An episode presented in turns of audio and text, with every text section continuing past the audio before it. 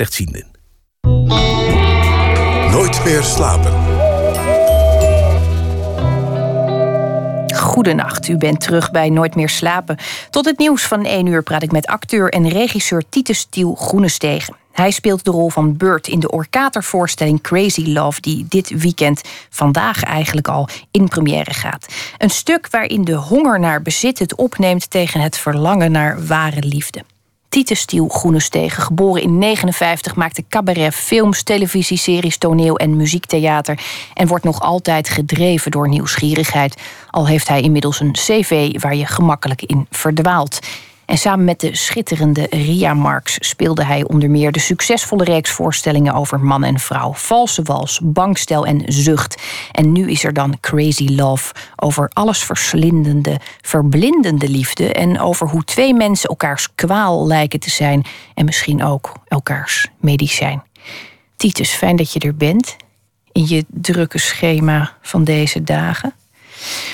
Die beurt in het uh, verhaal, wat, wat voor man is dat? Wat voor man gaan we zien? Um, het is het, een, een waar gebeurd verhaal waar we uh, vorm aan geven. Um, en dit is een liefdesverhaal dat speelt eind jaren 50 in New York.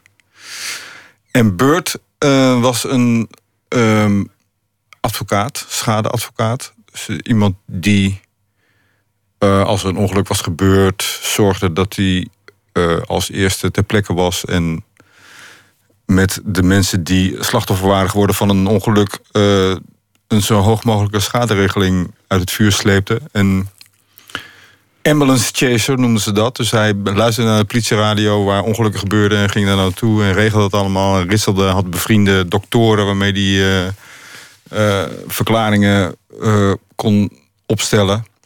Dus het was een beetje op de grens van het betamelijke. Wat, maar hij verdiende goudgeld, dus hij had uh, een eigen nachtclub en hij had net een film geproduceerd. En, uh, dus het was een beetje jetset-achtige figuur. En hij werd verliefd op een meisje wat hij. Een, uh, eigenlijk tamelijk eenvoudig kantoormeisje wat hij bij de bushalte zag staan. Maar waar hij totaal voor viel. Direct. Direct. Echt liefde op het eerste gezicht. En uh, nou ja, dan ontspint zich een, uh, een liefdesverhaal met uh, een aantal wendingen die wij niet voor mogelijk hielden. en die, ja, die bijna vragen om, om, om er een theaterstuk over te maken. We gaan niet alles verklappen, nee, stel ik voor. dat, zou, verklappen. dat zou zonde zijn. Ria Marx zag deze documentaire, is een documentaire over dit verhaal Ja, gemaakt. En dat, ja. dat, dat bleef hangen. Ja, het is. uh, ik heb met Ria heb ik al een aantal voorstellingen gemaakt over een man en een vrouw. Uh, een trilogie eigenlijk, wat je in de aankondiging noemde, zoals bankstel en zucht. Dat waren uh, dialoogloze voorstellingen, bewegingsvoorstellingen. Um, en dat is het eerste wat ik met Ria gedaan heb, bij, uh, onder de vlag van Okater. En um, daarna zijn we dat verder gaan uitwerken met meer mensen, grotere groepen. Um, en uiteindelijk stonden wij zelf buitenspel in die zin dat we het alleen nog maar regisseerden. Um, en nu hadden we weer zin om eens een keer helemaal terug te gaan naar de basis en weer eens met z'n tweeën de plank op te gaan en het spelen. En toen had Ria inderdaad die documentaire uh, gezien. En uh, die zei, nou ja, dit is volgens mij goed materiaal voor een nieuwe voorstelling. En uh, ja, toen zijn we daarin gedoken. En uh, het resultaat kunnen de mensen binnenkort bekijken. Ja, jij en Ria Marx, jullie spelen al heel lang samen. Kennen elkaar ja. ook al heel lang. En nou ja, de drieluik wat je net noemde, dat is, bijna niet weg te denken. Ik, ik, ken ook heel weinig mensen die het niet gezien hebben. Dat, het is echt heel succesvol geweest. Ja. En ongelooflijk veel gespeeld. Um, ook over de liefde, ook over wat er tussen man en vrouw gebeurt. En ook over de lelijke kant ja. van liefde. Wat intrigeert jou daar zo aan? Dat dat zo. Um, ja, ik denk dat veel mensen wel eens wel het verschijnsel kennen dat op degene waar je echt ruzie mee kan maken, dat zijn echt mensen die je echt aan het hart gaan. Dus uh, op een of andere manier heeft dat ook wel met, uh, met, met de liefde te maken. Dat je iemand af en toe ook wel achter het behang wil plakken gewoon. Uh, En het allereerste, toen wij, toen wij voor het eerst begonnen, dat was in 1998 alweer, dames en heren.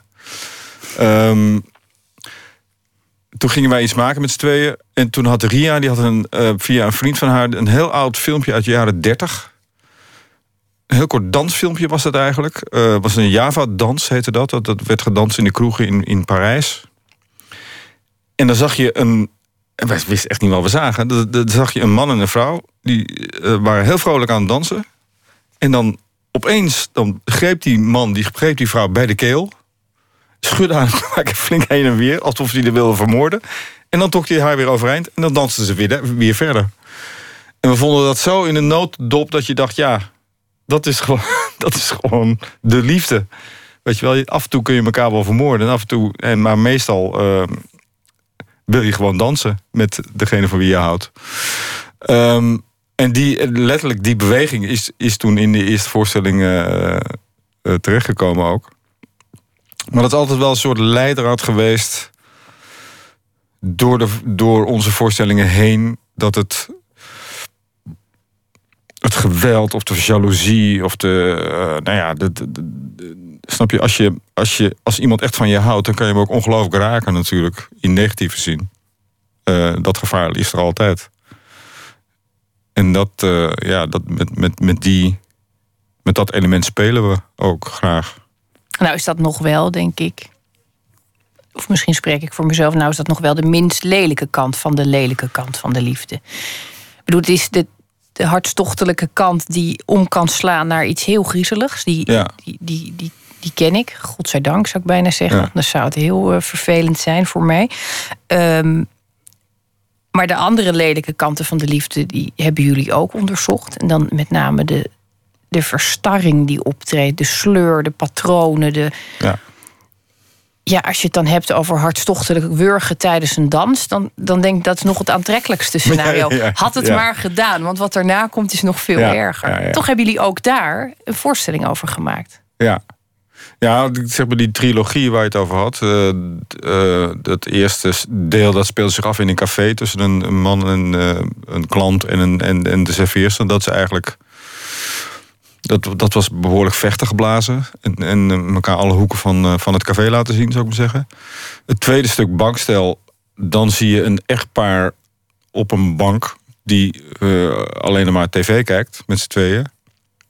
Um, waardoor ze geen woord meer wisselen met elkaar. En dat, daar zie je wel echt een soort sleur en een verstarring... en een...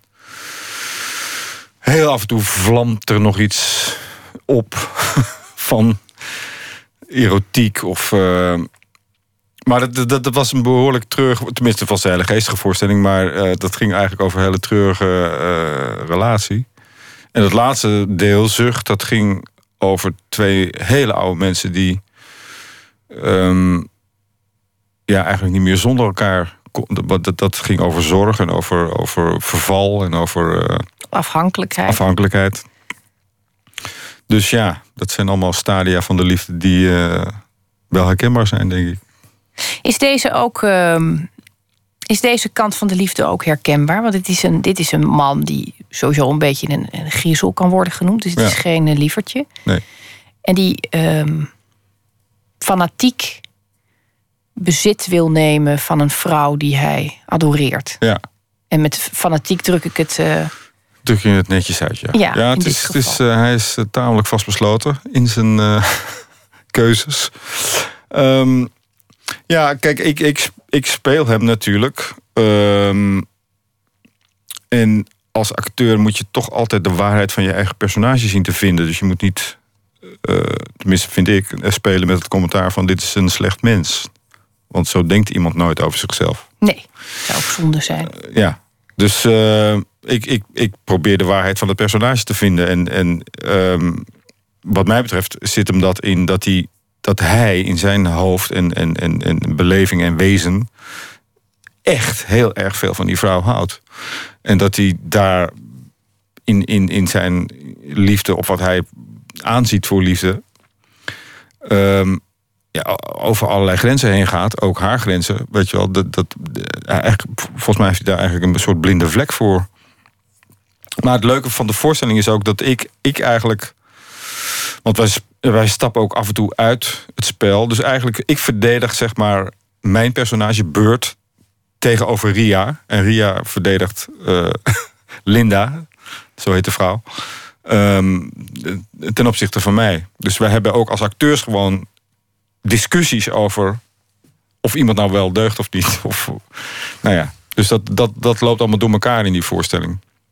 Herkende je iets in hem? Ja. Vond je dat gemakkelijk, die, die nou ja, ik heb, ik, heb, ik heb wel eens uh, zeg maar die diepe. Uh, ik, ik, ik, ik had een relatie met een vrouw waar ik heel erg veel van hield. En die kreeg op een gegeven moment toch iets met een andere man. En onze relatie was wel zodanig dat we het daar meteen over hadden. En toen was er een, een, uh, een nieuwjaarsfeest waar hij dan ook zou komen. Terwijl het heel erg een soort feest was in mijn kring, zou ik maar zeggen.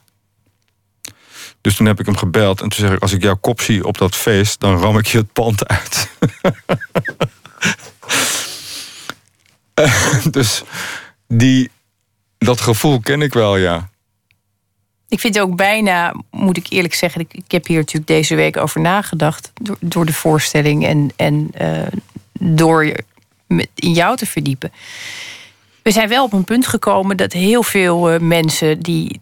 Nou, die vinden die, monogamie is een beetje achterhaald. En je moet wel alles bespreekbaar maken. En uh, ach, je moet elkaar van alles gunnen. En dat is natuurlijk prachtig dat we dat stadium van. Uh, Ruimhartigheid. Ruimhartigheid hebben bereikt met z'n allen. En toch dacht ik, ja, er gaat ook wel iets verloren. Ergens vind ik het namelijk uh, heel aantrekkelijk dat iemand zegt: Je bent van mij en van geen ander. En ik zal dat te vuur en te zwaard uh, verdedigen. Dat heeft ook iets. Ja, ja. Nou ja, we, we, we, strepen wel iets weg wat vroeger toch tot de, tot de romantiek gerekend ja, zeker. worden. Ja, nou ja, en, en buiten dat uh, denk ik dat er een soort apergedrag altijd wel onder blijft zitten. Dat hoop ik. Ja, ja. Ja, ik moest wel lachen. Gisteren we waren gisteren aan het repeteren en toen. ik speel dan op een gegeven moment even die. Ik zet dan even die advocaat neer in een soort scènetje. Weet je wel. En Ria die draait dan om me heen en die, die doet dan even mijn secretaresse. Dat, zo, spelen we dat ook. Van dames en heren, we gaan nu even een succesvolle advocaat laten zien met zijn secretaresse. En uh, Ria die, eh, die, die, schenkt mij dan een borrel in en die haalt mij papieren voor die ik moet tekenen, weet ik wat allemaal. En, uh, en die loopt dan steeds zo om mij heen. En zeg Rie, het kan zijn dat ik je op een gegeven moment even heel hard op je billen sla. toen zei Ria, ja, doe maar. Vind ik wel goed. weet je wel? Niet in het echt leven, maar voor de voorstelling is dat wel. Hé, lekker. Nou. Dus dat, waarschijnlijk werk ik daarom met haar. Omdat ze dat grappig vindt. Maar uh, snap je, het is natuurlijk allemaal uh, seksistisch en incorrect. Maar het zit er wel. Nou ja, ik, ik denk dus eerlijk gezegd dat heel veel, uh, net als vrouwen onderling. Wat ga je nou zeggen? Onderling biechten vrouwen natuurlijk ook op dat ze het wel degelijk fijn vinden als ze nog worden nagefloten op straat. Ja. Er, is natuurlijk ook, er zijn ook heel veel momenten waarop je denkt: wat een enge man. En hou eens even op. Maar de, nou, de keren dat je gewoon oud-Hollands lekker van een steiger wordt nagefloten door een bouwvak. Het is toch ook treurig als het stopt. En een vrouw geeft dat onderling ook toe. Maar dat mag ook al bijna niet meer. Dus het krijgt een soort besmuikte. Goh, ik werd net nog uh, gefloten. Ja, ja. Heeft het trouwens. Uh, heeft het effect gehad, het telefoontje aan de betreffende rivaal? Hij is niet opkomen dagen. De lafaard. Zie je, dus het werkt. Het werkt wel degelijk. Nou, dat hebben we nu vastgesteld. Je zei net al. Um, dat je met, met, met Ria, die, dat drieluik is natuurlijk een fantastische basis. Jullie kennen elkaar al heel lang. Er is ook een, uh, een, een, heleboel pers die altijd roept: jullie zijn het gouden duo. Waar zit hem dat in? Is dat omdat zij begrijpt dat je haar op haar kont moet slaan, omdat dat, zonder dat je daar eigenlijk nog een. Nee, het is. Um, wij spreken dezelfde theatertaal, denk ik. Dus. dus uh, het grappige is, wij, wij, wij, wij, rolden zo'n beetje tegen elkaar aan in dat theaterwereldje. Ik was een duo met Bavel Galema, Friese jongens. En, en, en uh, Ria maakte in die tijd programma's met Loes, Luca. Dus uh, zeg maar, vrienden van ons zeiden... God, jullie moeten eens bij die meiden gaan kijken, die zijn leuk. En vrienden van hun zeiden, jullie moeten eens bij die jongens gaan kijken, want dat is leuk. En zo leerden wij elkaar kennen. En toen ging ik met Ria een keer een programma maken. En we gingen repeteren en, en, we zetten muziek op en we begonnen te, te, te, te spelen. En, en, en we praten helemaal niet met elkaar. Dat was ook een hele rare ontdekking, want daarvoor met die dingen die ik met Bavo maakte, dat was alleen maar tekst en dialoog en. eh, en eh, maar dit niet. En, eh, en dat waren we helemaal niet van plan eigenlijk. Maar dat eerste stuk, dat hebben we toen voor de parade gemaakt. Valse wals. En dat werd geen woord in gezegd. En het was een heel duidelijk verhaal. Het was voor jou waarschijnlijk vooral heel. eh, Ja, want Ria die, Want die, jij bent een man van de taal. En, en Ja. ja. Ria die, die, die eh, had een mimeschool gedaan. Dus die zat dan meer in de, in, in de bewegingshoek, zou ik maar zeggen. Maar ik voelde eigenlijk van dit is eigenlijk... Dit, dit past eigenlijk meer bij mij nog dan die taal. Ik vind taal leuk, maar ik, ik vind beweging nog leuker, geloof ik.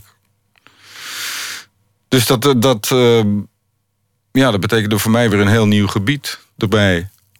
En eh, daar zijn we eigenlijk in doorgegaan met z'n tweeën.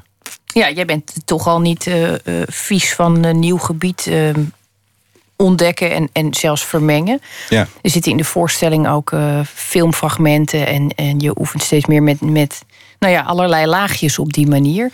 Wat is de aantrekkelijkheid daarvan? Is dat om, omdat je zo'n toch wel indrukwekkend cv hebt en, en bang bent dat je op een gegeven moment vastloopt? Ik heb geen idee. Nee. Nou ja, nee, het is, het is voor mij inderdaad. Ik, ik, vind het, ik vind het leuk om. Ik hou ontzettend van, van knutselen. Van dingen in elkaar frummelen. En daar heb, ben ik ook eh, in die zin ongeduldiger in dat ik denk: als ik een idee heb, dan wil ik het ook meteen kunnen maken. Weet je wel? Dus ik, ik wil niet. eh, dus ik heb thuis een computer staan met, met, met allemaal eh, programma's waar- waarmee ik eh, films kan maken. En ik kan eh, geluidsmontage en dus dan heb ik een idee en dan wil ik dat meteen kunnen uitvoeren. Wil ik niet afhankelijk zijn van een technicus die, die dan zegt... ja, dat, dat, maar dat, zo, zo gaat het niet. Ik zeg ja, zo gaat het wel. Want weet je wel, ik, dus ik heb ook camera's en ik heb eh, een greenscreen. En, nou ja, dus ik kan het allemaal thuis. Kan ik het in elkaar knutselen. En dat gebruik ik ook in mijn. Als ik regisseer, weet je wel, dan, dan maak ik zelf eh, de geluidsmontages en ik eh, stop het in QLab. Dat is een programma waarmee je theatervoorstellingen kan draaien. Dus eh, als dan uiteindelijk de voorstelling daar is, dan zeg ik tegen de technicus: hier heb je het, alle geluiden en het is helemaal klaar. Je kan het zo afspelen, weet je wel. Maar dat vind ik leuk, om het, om het helemaal in elkaar te knutselen. En af en toe teken ik opeens een decor en dan wordt dat gemaakt. En nou ja. Dus en ik ben is eigenlijk op, op geen van alle vakken, of het nou gaat over regie of over acteren, eh, eh, ben ik de beste van Nederland. Maar ik kan, ik kan het allemaal een beetje. En dat vind ik leuk om in te zetten om, om ideeën die ik heb eh, concreet te maken. Meteen. Wat mij dan eh, wel opvalt in je verhaal, en dat lijkt me ongelooflijk lastig als je ehm, acteert en tegelijkertijd, eh, je hebt ontzettend veel geregisseerd en niet de minste. Dan sta je vervolgens zelf eh, op de vloer en dan moet je wel toelaten dat iemand anders ingrijpt in jou. Is dat, eh, kun je die rollen ooit helemaal scheiden? Kun je echt Ja, je- overgeven aan iemand anders? En, ja, eh, je hebt sowieso, als je, als je zelf staat te spelen, heb je een oog nodig vanaf de kant die je stuurt. En eh, we hebben nu met Paul van der Laan gewerkt, van de Bambies, die zelf maker is en die ook heel goed snapt dat hij dienstbaar is aan de voorstelling die Ria en ik willen maken. Dus hij geeft commentaar over, nou ja, dat werkt niet, of dat werkt wel, of dat vind ik mooi, of dat. En vervolgens kunnen wij daar zelf eh, onze conclusies uit trekken. En ehm, hetzelfde geldt voor Pim Veulings, waar we nu mee gewerkt hebben. Die, die heeft de, de choreografieën gemaakt.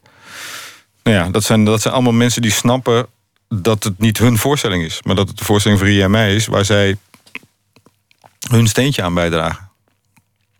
En, als de eh, posities helder zijn, dan, dan, ja. dan kan het. ja, Hey, de voorstelling had eigenlijk in de zomer van 2014 gepland. Eh, die was gepland. was gepland, ja. Om, eh, en, en in een van de laatste doorlopen ehm, kwam er een andere hartzaak Ja, ja. tussendoor. Als we het nou toch over de liefde Over, hebben. over het hart hebben. Ja, ik vond het, ehm, ik, ik vond het bijna symbolisch. Ik dacht, ja, je had natuurlijk ook gewoon een been kunnen breken of zo, fatsoenlijk. Maar je kreeg eh, tijdens de doorloop dus echt op de spelvloer. Ja, het was de laatste. ehm, doorloop in de repetitieruimte. Dus de, op vrijdag en de maandag daarna zouden we gaan bouwen in, uh, in Bellevue. Dat was in de zomer van 2014. En uh, het was heet. Het was 31 graden juli. En uh, we hadden alle ramen en deuren dicht, want we hadden projectie ook. Dus mocht geen licht binnenkomen. En, uh, dus het was sowieso benauwd. En ik had, ik had een pak aan, een jas eroverheen en een hoed op. En dus het was allemaal heel heet. En ik liep met Ria op mijn schouders rond te draaien. En, dus ik liep al te zweten als een otter. En, maar op een gegeven moment voelde ik ontzettende pijn op mijn borst. En toen moest ik een, scène doen die we net de dag daarvoor geschreven hadden. Of die, was helemaal heel nieuw. En ik kon me gewoon niet meer concentreren op die tekst. Omdat ik, ik, ik, had pijn en ik, ik voelde me misselijk. En dat heb ik eigenlijk nooit, misselijkheid. Dus dat vond ik raar. Dus, maar ik dacht, ja, god, ik, ik ben oververhit gewoon. Man. Het is zo heet hier. En dus ik dacht, ik moet even naar buiten. En uh, dus ik zei, jongens, ik moet even stoppen, want ik kan me gewoon niet concentreren. En toen, uh, maar toen ben ik uh, naar de foyer gelopen, op de bank gaan zitten, maar het ging me niet over. En toen op een gegeven moment ben ik echt oud geraakt.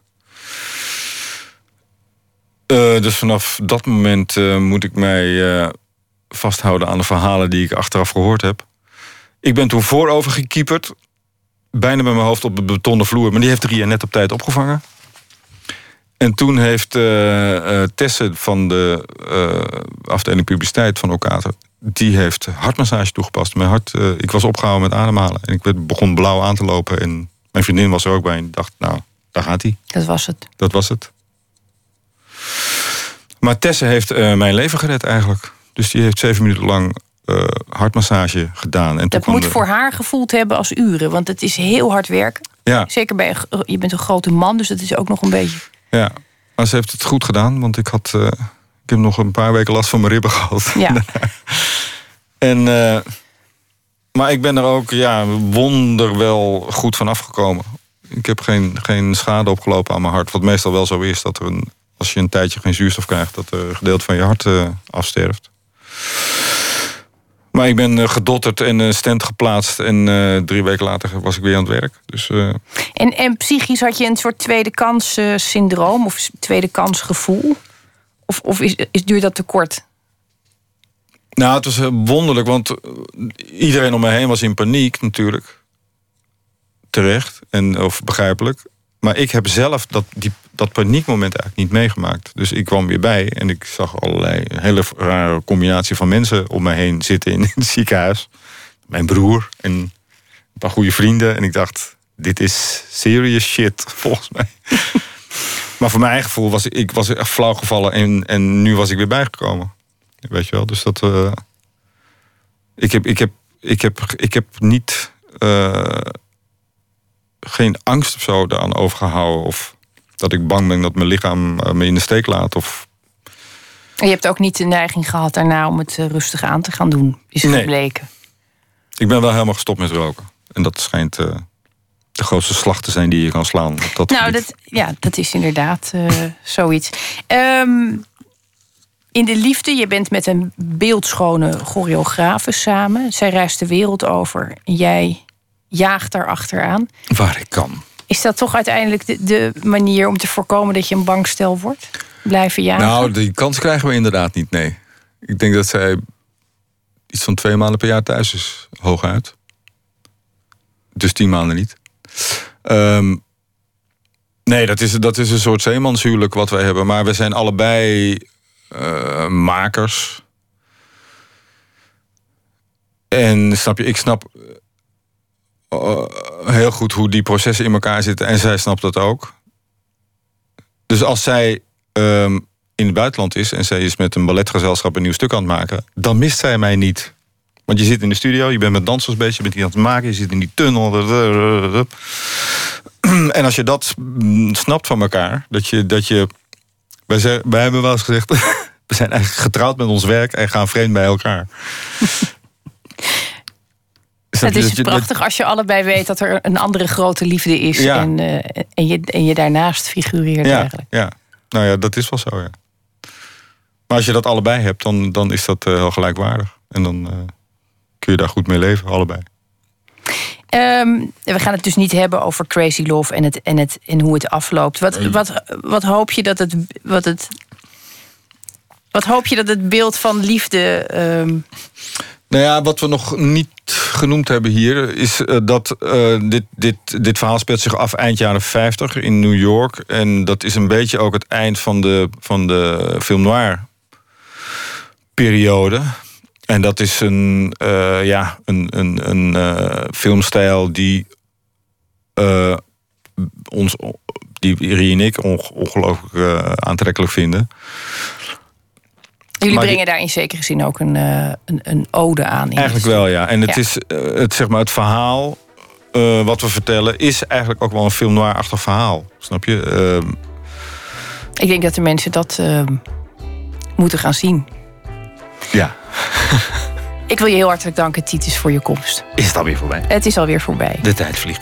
Na het nieuws gaan we verder met een tweede uur van Nooit meer slapen. Dan uh, spreken we Erik-Jan Harmes onder andere. En we hebben het over kunst en het Stedelijk Museum in Amsterdam. Dat en meer gaan we bespreken straks na het nieuws van 1 uur.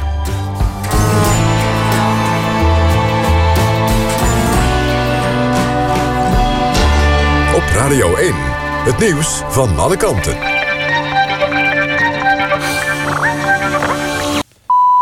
1 uur, Ewout de Jong met het NOS-journaal.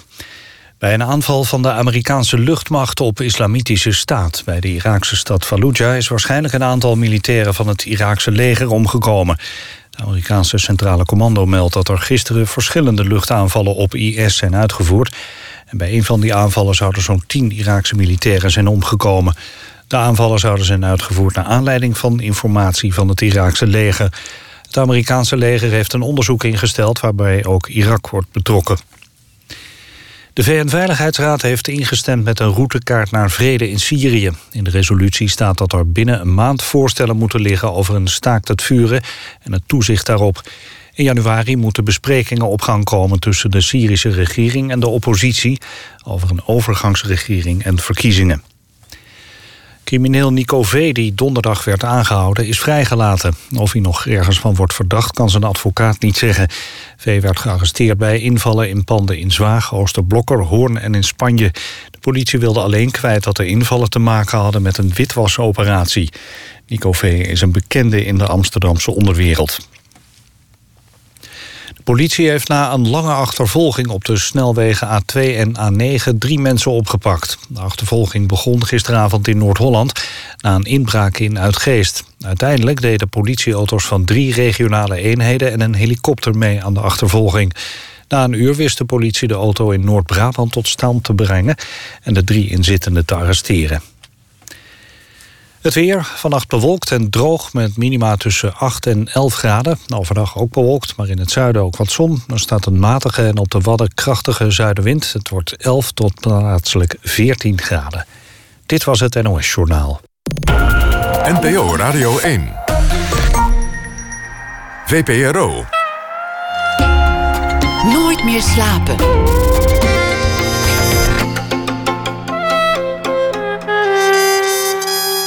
Met Esther Naomi Perquin. Goedenacht, u luistert nog steeds naar Nooit meer slapen. Veel beeldende kunst dit uur. Straks hoort u een verslag vanuit het Stedelijk Museum in Den Bosch... waar vanaf morgen een enorm video-drieluik van Jeroen Kooijmans te zien is. De Fish Pond Song. En we krijgen een rondgang langs het werk van de Amerikaanse fotografe Francesca Woodman. Being an Angel heet de tentoonstelling die in foam is ingericht. Maar we beginnen zoals gebruikelijk met proza dat reageert op het nieuws van de voorbije dag. Deze week doen we dat met schrijver en dichter Erik-Jan Harmens. Zijn laatste twee publicaties zijn de dichtbundel Open Mond en de roman Hallo Muur. En het nieuwe jaar brengt ons, ik noem dit poëzie, zijn verzamelde gedichten tot nu toe. En de bundel Duetten die hij met Ilja Leonard Pfeiffer schreef. Erik-Jan, goedenacht. Goedenacht, Esther. Ik heb me natuurlijk de hele week verheugd uh, om jou uh, deze vrijdag uh, aan de lijn te krijgen. Ik ook. En niet in de laatste ja. plaats omdat jij altijd zo fijn afwisselend bent. Gisteren trof ik je ineens met voetbal aan. En vandaag kondigde je aan. Ja, ik, ik durf het bijna niet te zeggen. zeg, jij het zelf, zeg, zeg jij het zelf maar even, Erik-Jan Harmens? Nou Esther, het gaat vanavond over handbal. Handbal. Ja, ik ben dus uh, toevallig de dochter van een uh, fanatieke handbalster. Oh ja? Ja, ze is tegenwoordig meer volksdanseres. Maar in haar jonge jaren was zij handbalster. En, uh, en al haar zussen trouwens ook. Dus ik ben ermee opgegroeid. Prachtige sport. Hmm, jij hebt het nooit gedaan. Lekker fanatiek. Nee, ik, bij mij was het treurig genoeg korfbal. Erik Jan. kan hem niet erg hoor. Met zo'n rokje en dat je zo'n worp moest doen met een... Nou ja, Hmm, ik hoef dat doe ik het, de eh, volgende, volgende keer. Ja, dat lijkt me heel fijn. Eh, ja, nou, ik, ik, ik denk dat we gewoon nu naar jouw ode aan de Nederlands handbal eh, kunnen gaan luisteren. Ja, oké. Handbal is hot, las ik op het internet. Nadat het Nederlands vrouwenhandbalteam vanavond ten koste van Polen de WK-finale wist te bereiken. De woorden handbal en hot allitereren. Ze beginnen beide met een H. En bovendien bezorgt het beeld van bezweten handbalsters menig journalist ook echt rode oortjes. Neem Volkskrant-correspondent John Volkers, die het eerder deze week in zijn verslaggeving niet alleen had over aantrekkelijk spel, maar het team ook een lust voor het oog noemde en handbal zelfs betitelde als een climaxsport. Als de keeper van het team, Tess Wester, blij is, is ze niet zomaar blij. Nee, ze lacht haar fraaie tanden bloot. Het zijn broeierige berichten waarin Volkers ook ineens filosofisch kan worden. Bijvoorbeeld als hij schrijft dat tijdens een wedstrijd de klok wordt stilgezet bij het nemen van strafworpen of andere tijdlopende zaken. 60 seconden kunnen veel langer duren dan een minuut, staat er dan. Een regel om over na te denken. Ik heb zelf een jaar of drie gehandbald bij handbalvereniging Rijnstreek in Alphen. Aan het begin van de wedstrijd gingen we op een rij tegenover het andere team staan en deden we onze jel, die een variant was op de HK, de krijgsstand die het Nieuw-Zeelandse rugbyteam voor elke wedstrijd uitvoert om de tegenstander te imponeren. Onze jel klonk iets minder heldhaftig. In plaats van kamate, kamate, kaola, kaola, riepen wij met onze puberpiepstemmetjes enkele malen de woorden rikketikketik Rijnstreek, rikketikketik Rijnstreek, rikketikketik Rijnstreek. We combi- combineerden die woorden enkel en alleen omdat ze allebei met een R begonnen. Het woord rikketikketik sloeg verder nergens op, terwijl de woorden handbal en hot tot elkaar zijn veroordeeld, omdat de sportvrouwen in de ogen van sommige journalisten ook echt heet zijn. Mijn achternaam begint overigens ook met een H. Sinds ik dat weet, ben ik ook heet. Ja. Erik Jan, wat, wat kan ik hier nog over zeggen? De vreugde en het genot van de alliteratie heb je hiermee eh, duidelijk eh, in kaart gebracht. En ook de, ja, ik denk dat, dat het voor mannen nog altijd best lastig is om objectief en zakelijk verslag te doen van vrouwenvoetbal, vrouwenhandbal, hockey, tennis is ook zo'n beruchte. Ehm, ik begrijp Ik ben, dat. ja, ik, nooit in hoeverre dat erg is. Nou, ik vraag me af, als je nou consequent eh, vrouwen het commentaar laat doen bij mannensporten, krijg je op den duur hetzelfde. Oh ja. Dat denk ik echt. Ik denk dat wij dat ook zeggen. Wij zitten ook met z'n allen te kijken wie heeft de mooiste benen bij het wielrennen. Ja. Ehm, ik vind het ook eigenlijk heel prettig dat de mensheid tot op zekere hoogte nooit voorbij de puberale piepstem eh, komt. Precies, ja. Ja, Ja. nee, dat is ook wel weer geruststellend.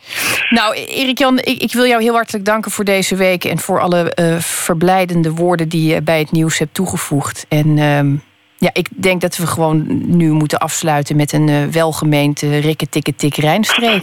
ja, heel goed. Dankjewel, Esther. Slaap lekker. Jij ook.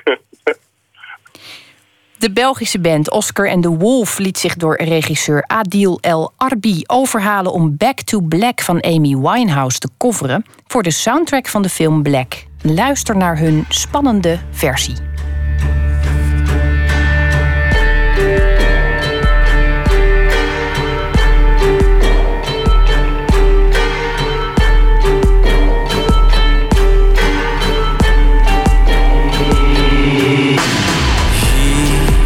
Left no time to regret.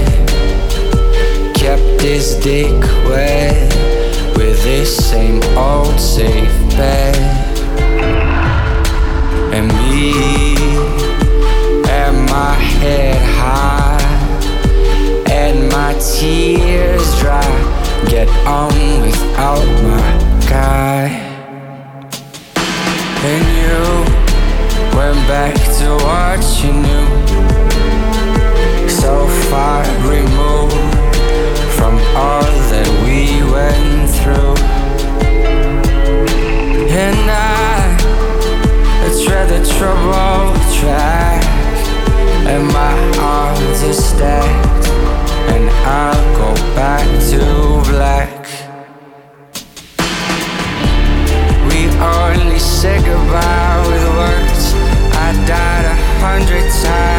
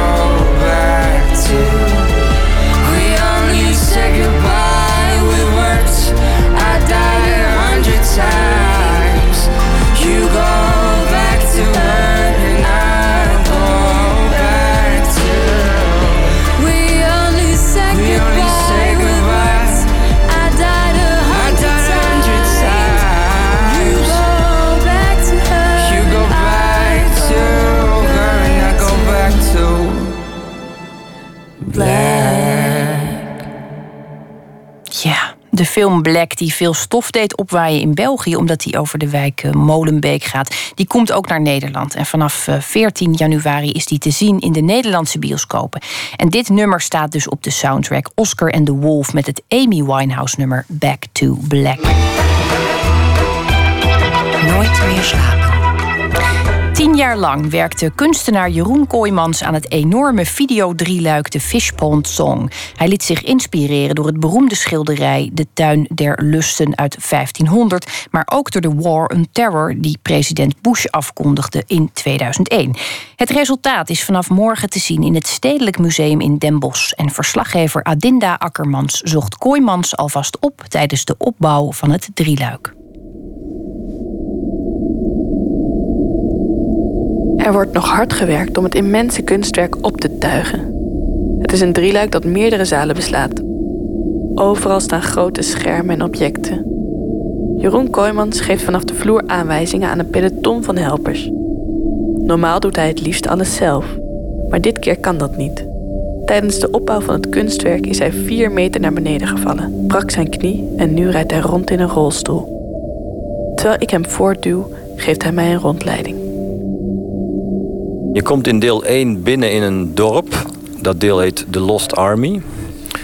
En dat is een, uh, ja, een soort klein dorpje met drie huizen en een kerkje. Daarop zijn projecties te zien van waterachtig landschap met uh, helemaal vol soldaten. En uh, ja, in het begin zie je die soldaten eigenlijk nog niet zo goed. Maar als je wat langer kijkt, dan zie je ze allemaal in de bosjes zitten. En, nou, de Lost Army, het verdwaalde leger, ehm, die is in oorlog met een soort van abstracte vijand. Uh, dat is eigenlijk naar aanleiding van 9-11 uh, in 2001. 9-11. De dag van de terroristische aanslagen in Amerika veranderde niet alleen de wereld, maar ook het leven van Jeroen Kooijmans. Als artist in residence in New York bewoonde hij een appartement dat uitkeek op het WTC en hij werkte bovendien aan een kunstproject over de torens. Ik had er heel veel maquettes van gemaakt en zo. Ik had er onder andere ook een airstrip op gemaakt. Dus een soort van uh, vliegdekschip-achtig idee, maar dan boven op de Twin Towers. En op het moment dat die torens naar beneden komen, denk je van Jezus, ja, heb ik dat? Zo, zoiets, weet je wel. Terwijl er duizenden mensen doodgaan, denk ik zo van... En daar, voel ik me dan ook meteen heel erg schuldig over. Dat ik, dat ik denk van, ah nee, niet die torens, weet je wel. Omdat je zo in je eigen wereld leeft denk je gewoon van... Jezus, ze hebben het op me gemunt. Zo, ze hebben mijn torens neergehaald. Ik was een film aan het maken in die tijd. Daar ben ik wel mee doorgegaan. Ik had een obsessie met snorren, maar dat duurt te lang om daar nu heel lang op in te gaan. Maar daar ben ik gewoon mee doorgegaan. Ik ben elke snor gaan filmen die ik eh, zag. Maar dat kreeg een hele andere lading, omdat het heel als een soort wereldreis door New York, als een soort humoristische film bedoeld was, werd dat ineens een hele zware film met al die brandweermannen en moslims en politie. En het leek wel of iedereen met een snor met die Twin Towers te maken had. Dus ik was wel... Uh, ja, ik, ik voelde me wel op een bepaalde manier schuldig, zeg maar. Dat, dat ik dat gebruikte om, uh, om mijn eigen werk door te zetten. Maar ik ben werkverslaafde en ik, ik kon niet anders dan gewoon maar door te gaan. Het was gewoon de enige medicijn wat ik kon bedenken. Doorgaan betekende ook de gebeurtenissen verwerken in zijn kunst. En zo gaat de Fishpond Song onder andere over de War on Terror die Amerika afkondigde na 11 september. En wat voor ellende dat weer veroorzaakte. Er zitten heel veel lagen in, dus je kunt er heel technisch naar kijken. En je kunt er, heel, uh, je kunt er op allerlei manieren naar kijken, inhoudelijk naar kijken. En uh, als je er dan zeg maar uh, in de zin van de actualiteit naar kijkt, dan is het ja, voor mij best wel heftig dat dat Parijs dan ineens gebeurt. Twee weken, of hoe lang is dat alweer niet geleden? Drie weken of zo. Want dan komt dat ineens heel dichtbij. Omdat het iets is wat ik tien jaar geleden voorzag, zeg maar. Vijftien jaar geleden dacht ik van ja, die oorlog die wordt steeds lelijker als je het zo doet. En de kans om aan tafel te gaan zitten, die hebben jullie laten schieten. Maar je moet vroeg of laat toch aan tafel. Of het nou is met Al-Qaeda of met ISIS of met wie dan ook. Gaat dat? Zal ik? Ja, ik duw. Of ik... Oh, dat gaat Kijk, hier zit bijvoorbeeld een soldaat. Hier zit bijvoorbeeld een soldaat. Maar ik, we zullen even een eindje doorrijden. Dan... Dus dit is een kerkje. Daar ben ik dus van afgevallen. Dat was ook op een zondag. Dat is ook niet zo slim om op zondag aan een kerk te werken. Hier is dan ook nog een onderwaterfilm te zien. Je ziet papiertjes waarop teksten zijn. Dat is eigenlijk een soort dagboek van een soldaat. En dat is weer ook geïnspireerd op die A4'tjes die uit de Twin Towers eh, naar beneden kwamen dwarrelen. Tommy. Hé hey man. Goed, ik zit in een radio-interview met de VPRO. Zal ik je even op de speaker zetten? Wat wou je? Ben je onderweg? Ja, ik ben even onderweg. Uh, maar ik wou nog iets zeggen over die gedichten. Ik wou zeggen dat die, uh, die afstand daartussen... Ja? Naar mijn smaak heel erg belangrijk is. We gaan daar na de opening nog even over uh, soebatten. Tuurlijk. Soebatten. Tuurlijk. Jo. Jo, doei. doei. Tommy is schrijver Tommy Wieringa. Voor de tentoonstelling schreef hij gedichten die je hoort als je met een koptelefoon op je hoofd door de ruimte sloopt. Dit zijn de rangen der veteranen naar hun misvormingen, naar hun verwondingen. De hompelaars en strompelaars, gezichtslozen en gewrichtslozen. We gaan, we moeten gaan. En avant marche, mes chers invalides. De ledematen bij de ledematen, de hompen na de stompen, restmateriaal achteraan sluiten. De dood heeft ons geweigerd. Ons huis is achterstevoren neergezet. En nu spuwt de aarde ons terug in het gelid. Dit is het labyrint. Dit is deel 2. Ik rijd gewoon door, maar ik weet niet of Ja, dat kan. Nee, kan. Deze is niet echt rolstoelproof gemaakt, hè? Ja, dank je. Dus hier ligt het helemaal vol met uh, dode soldaten. Als je er eenmaal een paar ziet, dan uh, zie je er zo heel veel. Ik zie wel iets bewegen ook. Nou ja, dat is één soldaat die nog, uh, nog net niet dood is. Maar dit is eigenlijk een beetje de hel waar je in terecht komt. Dus, en dan heb ik ook gebruik gemaakt van de stereotypen van een hel. Dus er is een vuur wat nu door die hel gaat. Daar zijn allemaal zwarte gedaantes. Die, dat zijn eigenlijk een soort verkoolde soldaten die al gestorven zijn. En die verbranden dan nu in de hel eigenlijk. Dit is een beetje een hallucinerend deel waarin de ellende van die oorlog eigenlijk een beetje verbeeld wordt. Ja, er zijn ook allemaal. Dat is even een steekvlammetje en zo. Wat je hoort, zeg maar, in de achtergrond. De kraai die je ook hoort in de achtergrond, dat is ook een belangrijk element. Die, die zit eigenlijk op mijn schouder de hele tijd mee te kijken. En die vliegt af en toe de lucht in om het een beetje te overzien. En dan komt hij weer terug om het wat te vertellen. Ja, dit gaat niet lukken. Um, dan loop ik dat stukje wel in.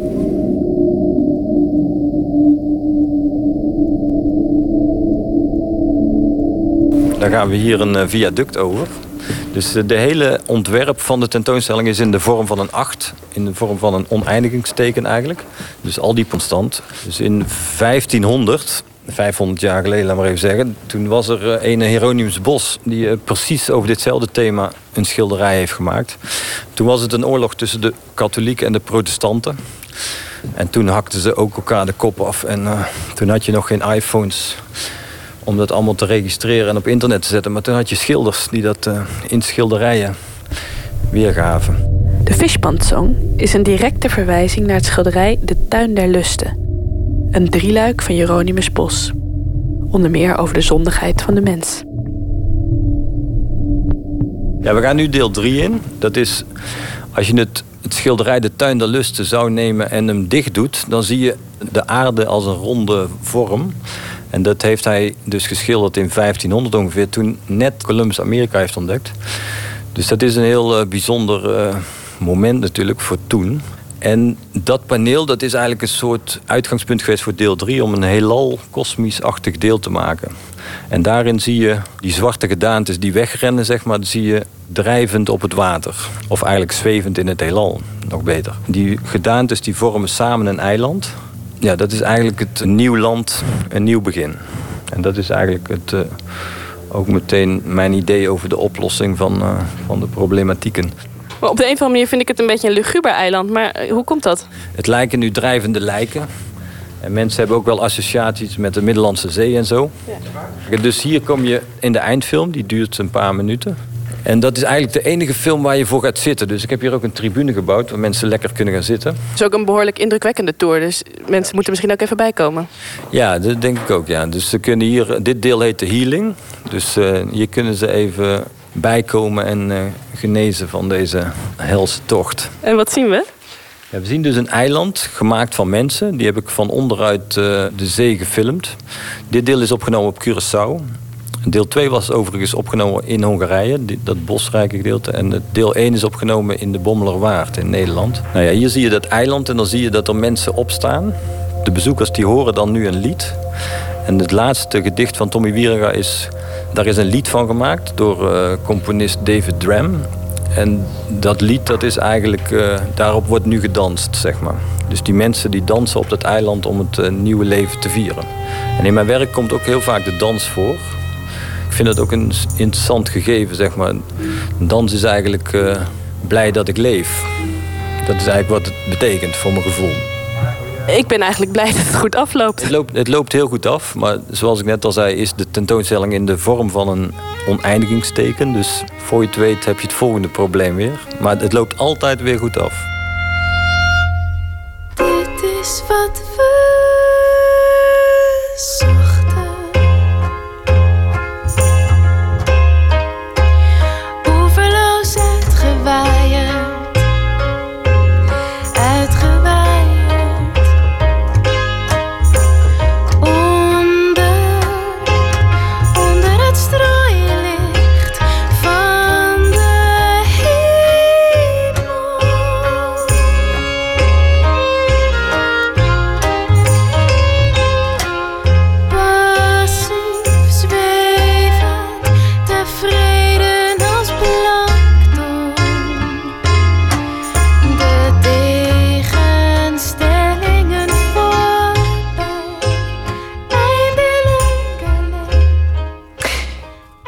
Adinda Akkermans was dat in gesprek met beeldend kunstenaar Jeroen Kooijmans over zijn videodrieluik De Fishpond Song vanaf morgen te zien in het Stedelijk Museum in Den Bosch.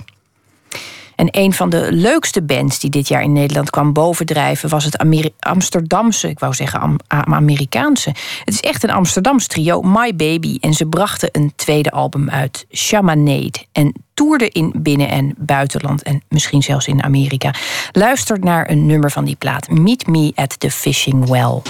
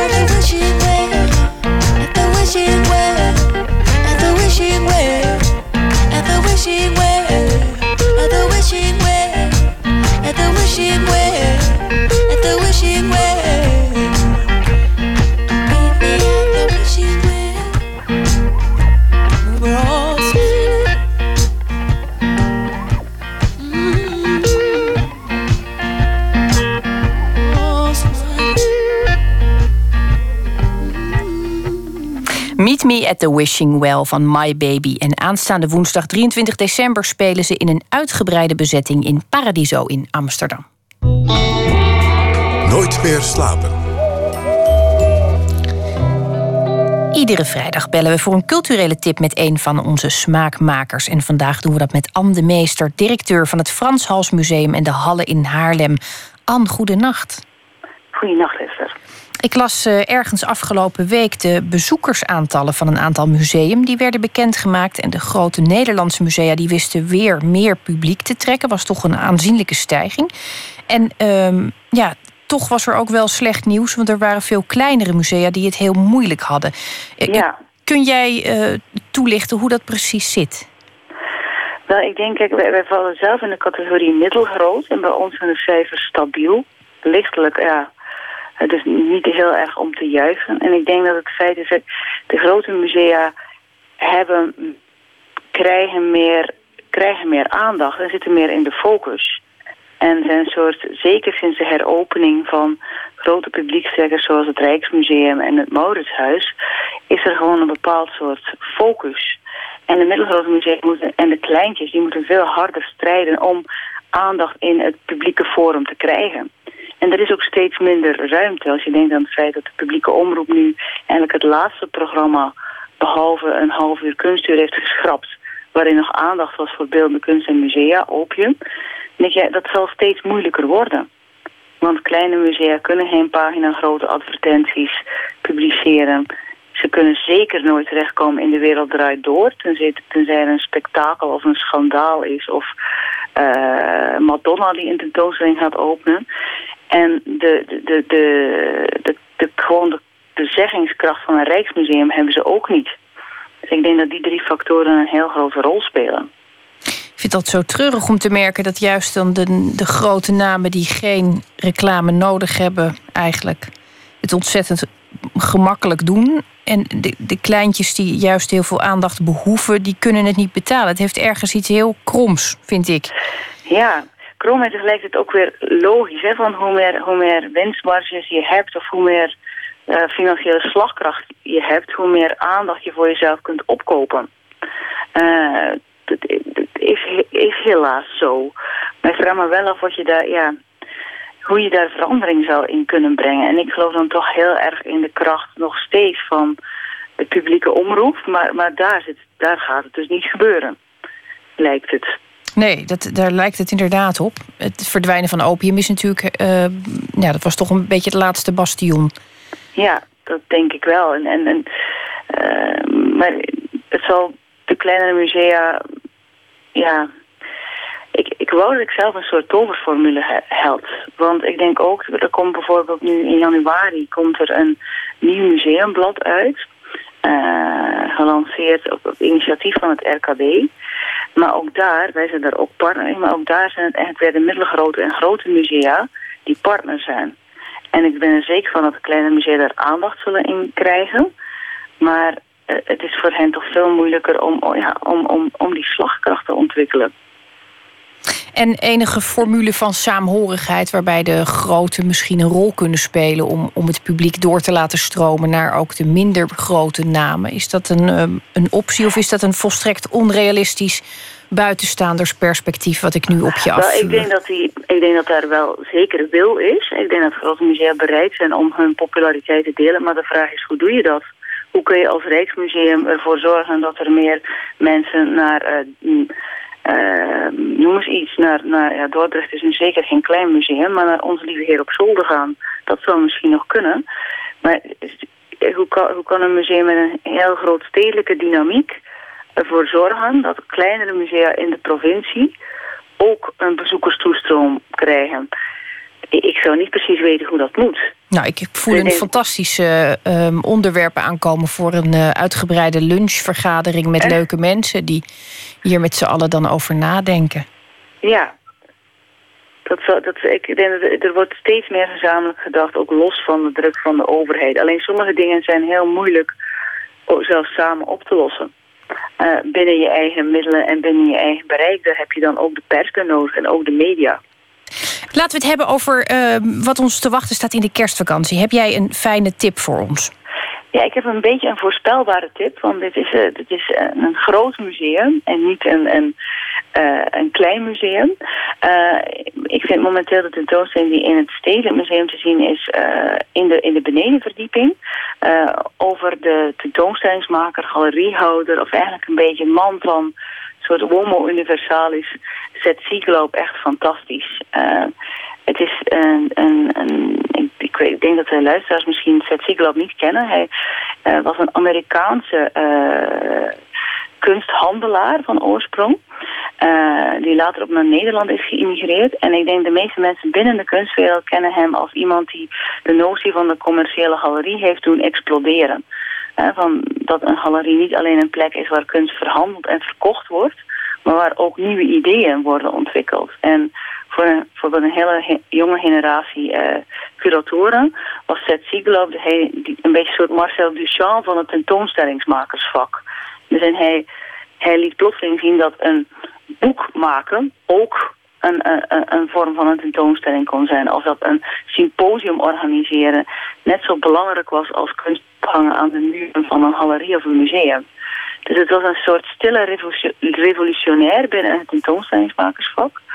Maar wat hij, dat is natuurlijk voor veel mensen niet interessant, want dat is een beetje uh, intern in de kunstwereld. Maar als je die tentoonstelling ziet, dan merk je van wauw, hij had zo'n open geest. Want hij was niet alleen actief in het kunstcircuit. Op een bepaald punt is hij verhuisd naar Bagnolet in Frankrijk. En is hij daar een centrum uh, voor kritisch onderzoek naar de uh, massamedia begonnen. Is later in zijn leven textiel gaan verzamelen uit alle tijdperken en uit alle werelddelen.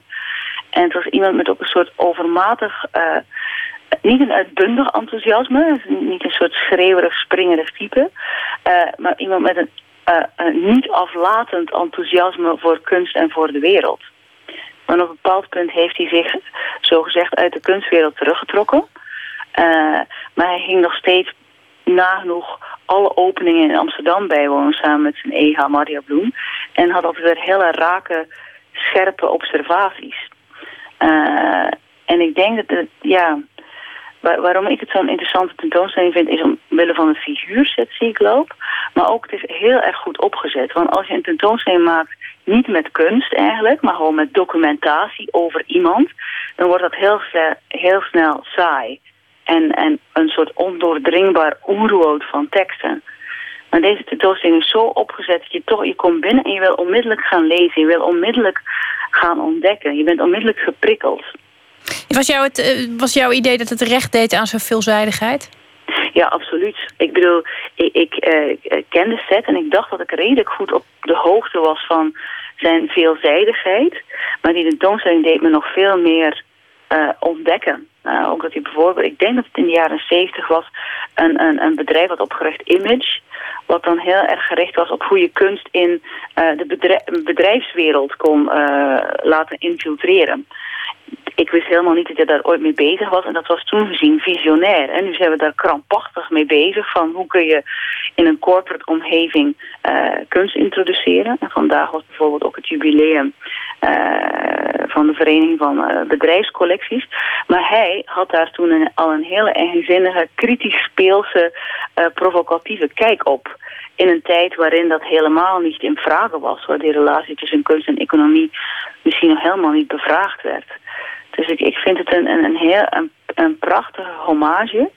En ik hoop ook dat meer mensen dan alleen maar echte kunstliefhebbers het, het gaan zien. Want het gaat ook al van hoe iemand eigenlijk... Um, hoe nieuwsgierigheid de meest belangrijke drive is als je uh, met kunst te maken hebt. En dat eigenlijk die continue soort intellectuele en creatieve verrijking... Uh, dat dat is wat kunst biedt. En dat is ook wat Zet uh, dreef, wat zijn motor was. Nou, ik, ik, je had geen warmere aanbeveling kunnen doen, volgens mij. Het klinkt in ieder geval als een hele interessante tip. En um, we gaan daar in de kerstvakantie, stel ik voor, massaal heen. En om dan um, gelijk alles even recht te trekken... doen we er nog een klein museum achteraan, stel ik voor. Ja. Laten we dat als voornemen noteren. Ja, dus misschien is dat wel een goede formule. Misschien moeten we bezoekers overtuigen van, ja, dat je altijd groot plus klein moet doen. Ja, dat het leven ook vaak goed, An. Ja. Dus dat moet hier ook van toepassing zijn. Heel hartelijk dank en ik wens jou uh, prachtige dagen. En uh, dat doe ik sowieso ook als het juli zou zijn, maar nu een beetje ja. extra. Insgelijks. Dag. Dag. De Amerikaanse soulzanger Marion Black zal vooral worden herinnerd als de man die Who Knows schreef en zong. Een nummer dat in heel veel films en series en commercials is gebruikt. Maar minstens zo mooi en minder bekend is dit lied van Marion Black. Listen Black Brother. Last night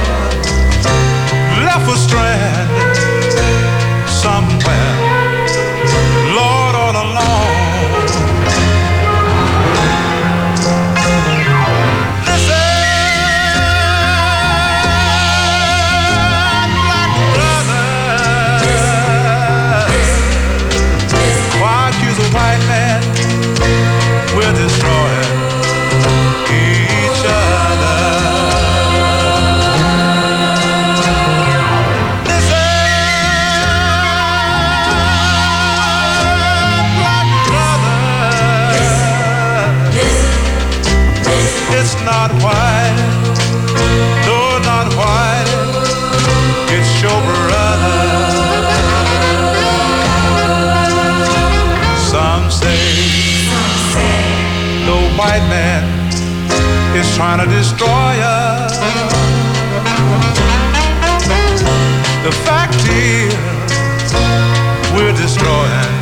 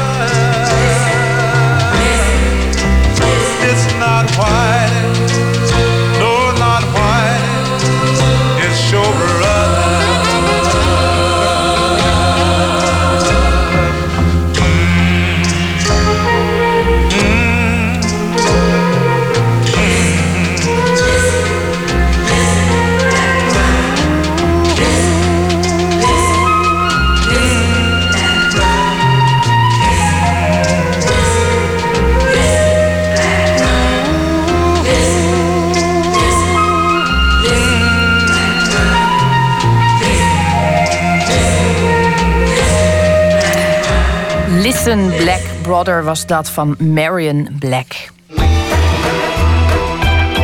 Nooit meer slapen. Francesca Woodman was een veelbelovend fotograaf toen ze in 81 een eind aan haar leven maakte en ze was nog maar 22 jaar jong. Haar oeuvre bestaat uit een groot aantal zelfportretten waarin Woodman zichzelf naakt fotografeert of juist probeert haar lichaam te verbergen.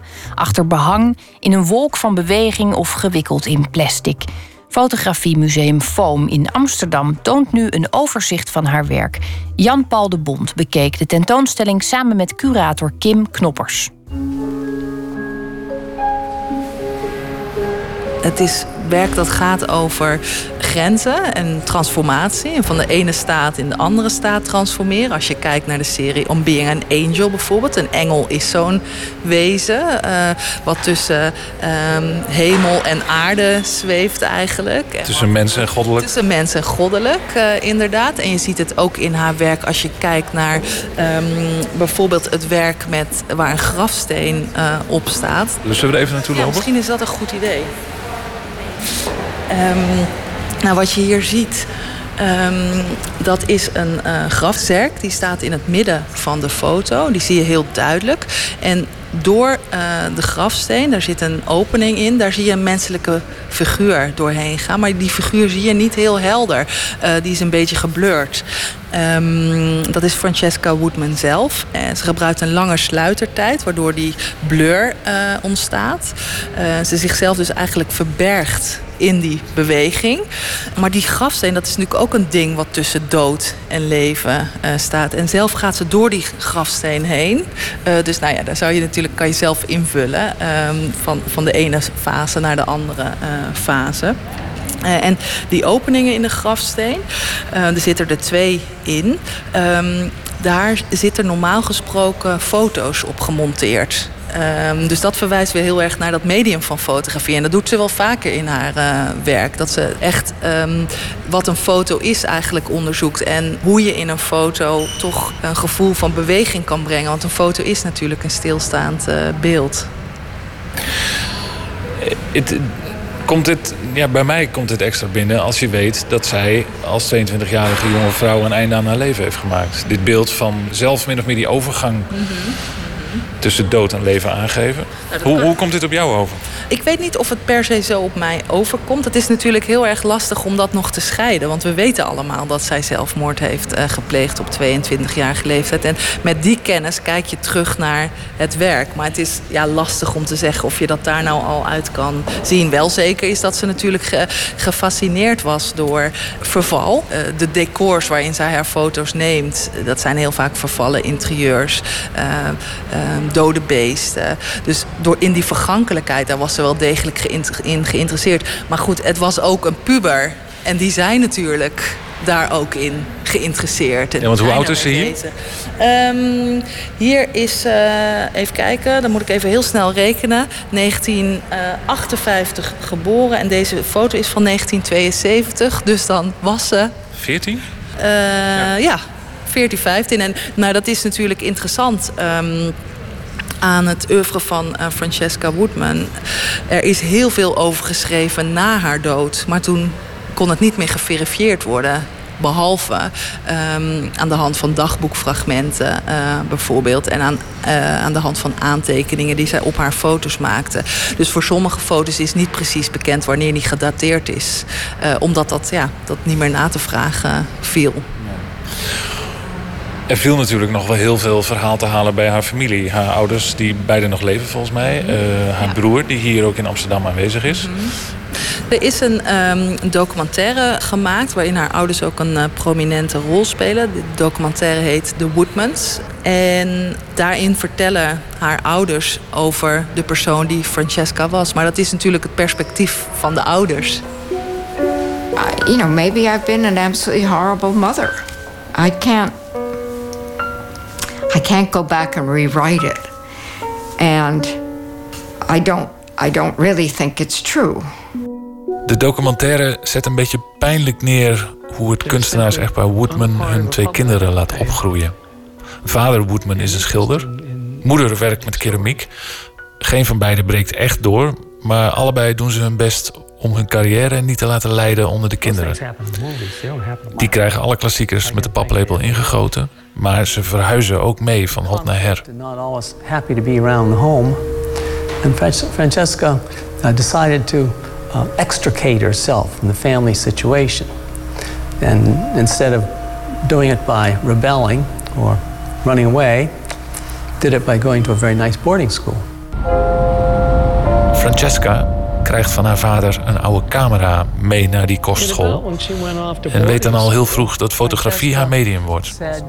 Haar toenmalige jeugdvriendin herinnert zich hoe Francesca al op jonge leeftijd met een serie naaktportretten van zichzelf kwam. That was the time that I reached out to go and try and sort of renew the friendship with Francesca, and there wasn't much reciprocally there. Um, and I think she had a new role in life as an artist, and I wasn't a part of that world to be useful to her. Die achtergrond, eh, opgroeien in een kunstenaarsfamilie. Zij was natuurlijk heel bekend met de kunstgeschiedenis. Haar ouders hadden een huis in Florence. Eh, als klein meisje kwam ze daar. Zo is ook een keer een jaar van school gehaald om echt in Florence eh, te wonen. Dus in die zin staat ze ook wel echt in die Europese eh, traditie. Maar als je dat zo hoort van opgroeien in een kunstenaarsgezin en dan op jonge leeftijd al een jaar vrij om in Florence te wonen, dan krijg je ook misschien wel hele hoge verwachtingen van jezelf die je moet waarmaken. Mhm. Eh, misschien, maar eh, tegelijkertijd is het natuurlijk ook een fantastische eh, manier om eh, nou ja, op een andere manier dan gebruikelijk op te groeien en om andere gedachten te ontwikkelen buiten de conventies van het normale, als je dat zo wil zeggen, leven. Dus ja, dat ja, heeft ook heel veel voordelen. Is zij heel opmerkelijk of zeldzaam in het feit dat ze op heel jonge leeftijd al deze kwaliteit leverde? Ehm, nou, ik, kan nu niet zo 1, 2, 3 komen op mensen die op die... Kijk, die nadruk die wordt er natuurlijk zo op gelegd... omdat het oeuvre maar zo jong is. En voor veel kunstenaars is het oeuvre heel groot. En, eh, Is dat jonge werk onderdeel van? is het on, ja, en hier is het jonge werk, is het oeuvre. Dus dat is heel lastig omdat... eh, Je zou ook kunnen zeggen, stel dat zij gewoon door had gewerkt, dan was dit werk misschien geen onderdeel meer geweest van een overzichtstentoonstelling van haar werk. Nou, dat denk ik wel, omdat dit dus al die consistentie eh, weergeeft en die signatuur. Eh, maar goed, misschien was het werk in een hele andere richting ontwikkeld. En, eh, en misschien was ze ook wel, als ze nog was blijven leven, was ze vijf jaar later gestopt. Ja, het kan ook. En dat is soms ook heel lastig Want ehm, het verhaal kun je bijna niet meer scheiden van het werk. We hebben bijvoorbeeld de levensloop. Die hebben we in de laatste zaal uh, geplaatst. Zodat mensen dat eigenlijk nadat ze het werk hebben gezien zien hoe dat leven zich heeft uh, voltrokken. Zodat je het werk op zich kan beoordelen. Precies, ja, want dat heeft gewoon enorm veel kwaliteiten.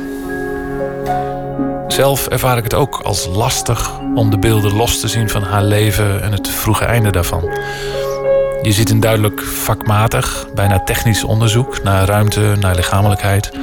Maar zie je nu ook iemand die wanhopig op zoek is naar zichzelf? In de documentaire werpt een studiegenoot van Francesca een verhelderend licht. Francesca Woodman was not trying to disappear as a representation of her state of mind when she was hiding behind a scrap of wallpaper. It was her making a parallel. How would, how would it be to be that peeling paint or wallpaper? How does the human form relate to it? You put yourself in it. Francesca Woodman was niet zwaar depressief of neurotisch volgens haar vriendin. Gewoon erg gevoelig. She didn't have a depression or a neurosis of that nature. I'd say she had a neurosis, but more of a committed, passionate one towards taking pictures. And then the pictures are pictures of a healthy person who's looking at a fragile interior. Wat mij het meeste raakt is eigenlijk als ik naar die foto's kijk dat ik iemand zie die er wil zijn, maar tegelijkertijd niet. Dat zie je in heel veel van de foto's. Dus dat ze, ze wil eigenlijk zichzelf laten zien, haar naakte lichaam. Maar dat zie je dan niet helemaal, omdat ze voor een deel achter het behang verscholen zit. Of um, ze is verscholen in die blur aan beweging. Dan zie je, een silhouet van een lichaam, maar niet het echte lichaam. Dus dat er zijn en het niet willen zijn, dat uh, heeft mij het meeste geraakt. Omdat ik denk dat. Uh, dat dat een gevoel is wat heel universeel is. Dus erkenning willen, maar tegelijkertijd ook um, uh, ja, verlegen zijn of er niet willen zijn of je willen terugtrekken. Dat heeft mij het meeste geraakt. The characteristics which made Francesca really a fascinating and creative person is part of the price of being that person. You can look at it that there is a psychic risk in being an artist. And uh, may well have made life more difficult for her. Het is de prijs voor het kunstenaarschap, volgens Francesca's vader. En hij is zelfs zo eerlijk om eraan toe te voegen dat wanneer zijn dochter meer met hippe kleren en vriendinnen bezig was geweest, hij waarschijnlijk veel minder op haar gesteld was geweest. And if she had, as a child, been primarily interested in uh, the peer girls and, and what people were going to wear to the high school prom, uh, I would not have found her so interesting or been so attached to her. Ik denk dat mensen echt wel gefascineerd zijn door uh, wat ze zien op de foto's. Uh, omdat het voor een deel ook uh, ja, soms een beetje spookachtig is of een beetje gotisch. Er zitten gotische elementen in. En soms een beetje donker. Dus ik denk dat mensen daar wel door geraakt zijn. Ja, ik vind het voornamelijk beklemmend als ik het doorloop. Ja, nou, ik ook, zeker. Bepaalde, maar ik hoorde gisteren ook iemand die zei van... nou, ik vind het helemaal niet beklemmend. Ik, vind, ik word er eigenlijk wel vrolijk van. On Being an Angel, zo heet de tentoonstelling van het werk van fotografe Francesca Woodman. Nog te zien in Museum Foam in Amsterdam tot maart volgend jaar. Vanaf januari gaat de Britse band Massive Attack op tournee. En wij hopen natuurlijk dat dat betekent dat er ook een nieuw album komt. Maar tot die tijd doen we het met wat ouder nummer. Een cover van William DeVaughn, Be Thankful for What You Got.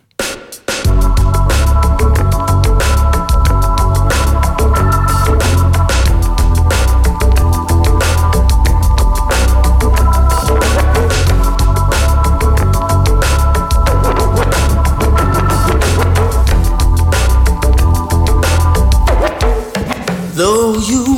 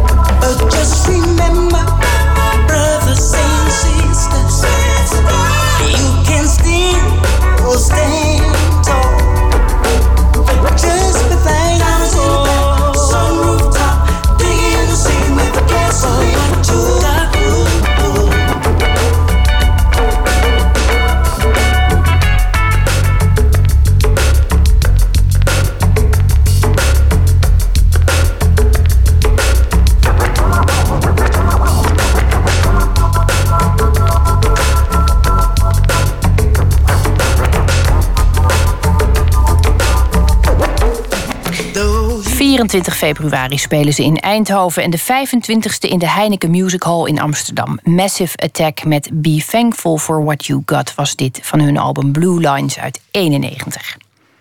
En we sluiten zoals altijd af met een gedicht. Ineke Riem koos deze week vijf gedichten. En de laatste die ze uitkoos is een gedicht van Menno Wigman, Misverstand.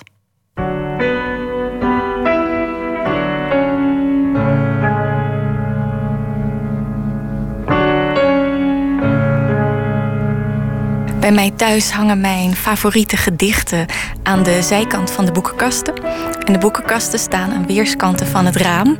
En zo hangen dus als een soort van, in een soort van vensternis allemaal mooie teksten die ik in de loop van de jaren ehm, verzameld heb. Eén ervan is van uh, Menno Wigman, staat op een kaartje dat werd uh, uitgegeven bij de gedichtendag van 2001. En het uh, gedicht komt uit de bundel Zwart als caviar van Menno Wigman. Het heet Misverstand. Dit wordt een droef gedicht. Ik weet niet goed waarom ik dit geheim ophoest.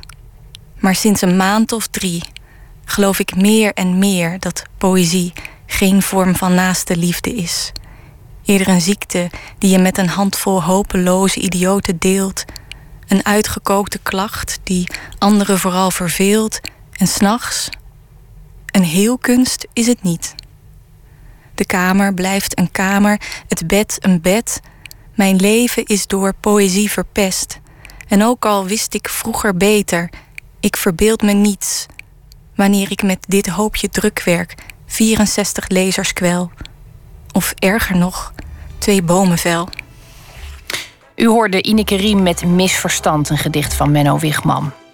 Maandag komt Angelique Smijnk langs. Die eh, stond jarenlang in de keuken van sterrenrestaurants, maar doet inmiddels heel veel meer. Daarover komt ze vertellen bij Pieter van de Wielen. En straks kunt u luisteren naar Woord. En daar gaat het allemaal om kameraadschap, loyaliteit. Met de altijd loyale Maarten Westerveen. En ik wens u voor nu een hele mooie nacht.